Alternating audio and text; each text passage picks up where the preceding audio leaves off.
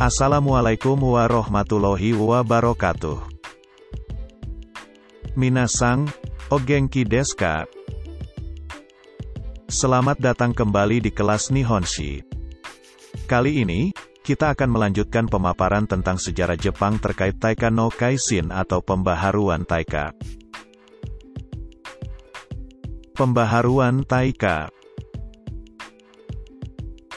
Sepeninggal Sotoku Taisi, kekuatan dan pengaruh klan Soga dalam pemerintahan semakin bertambah. Namun, perebutan pengaruh dan kekuasaan dalam istana tidak berhenti begitu saja. Klan-klan tetap membangun kekuatan untuk bisa menjadi yang paling berkuasa atas yang lainnya.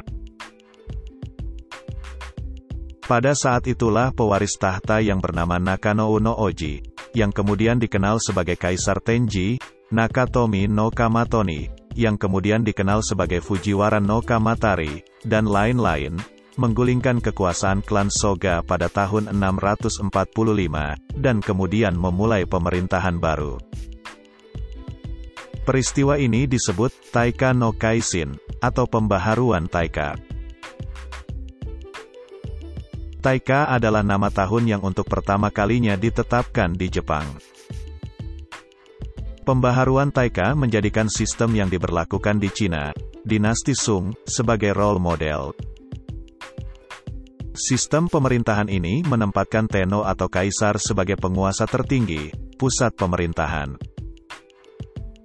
Setelah diberlakukan selama kira-kira 50 tahun, pembaharuan ini menghasilkan sebuah undang-undang yang tersusun dengan sistematis yang disebut Taika Ritsuryo. Langkah pembaharuan politik yang pertama dilakukan adalah pengambil alihan kekuasaan atas rakyat dan tanah atau koci, komin. Rakyat dan tanah yang sebelumnya dikuasai oleh klan-klan atau gozoku, semuanya diambil alih, dan sepenuhnya berada di bawah kekuasaan tenor. Sementara itu klan-klan penguasa menjadi pegawai-pegawai pemerintah di ibu kota dan daerah. Pemerintah pusat dibagi dalam dua kang atau lembaga, dan delapan su atau departemen. Sementara itu, di daerah, pegawai pemerintah yang ditunjuk oleh pemerintah pusat, dijadikan sebagai kepala daerah atau kokusi, dan memerintah bersama-sama dengan klan-klan penguasa daerah.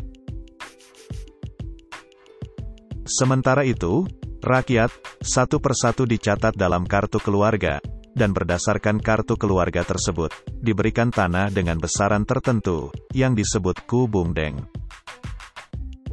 Kemudian, berdasarkan tanah pembagian tersebut, rakyat diharuskan membayar pajak kepada istana yang berupa beras atau kain, dan apabila orang tersebut meninggal dunia, maka tanah tersebut harus dikembalikan lagi.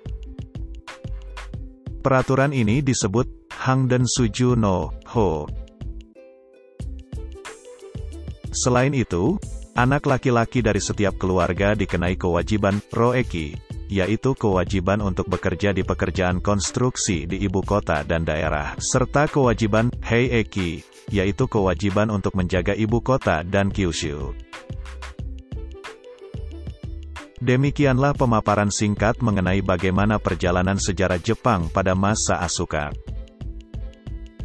Terima kasih atas perhatian Anda, dan sampai jumpa pada episode-episode selanjutnya. Sayonara.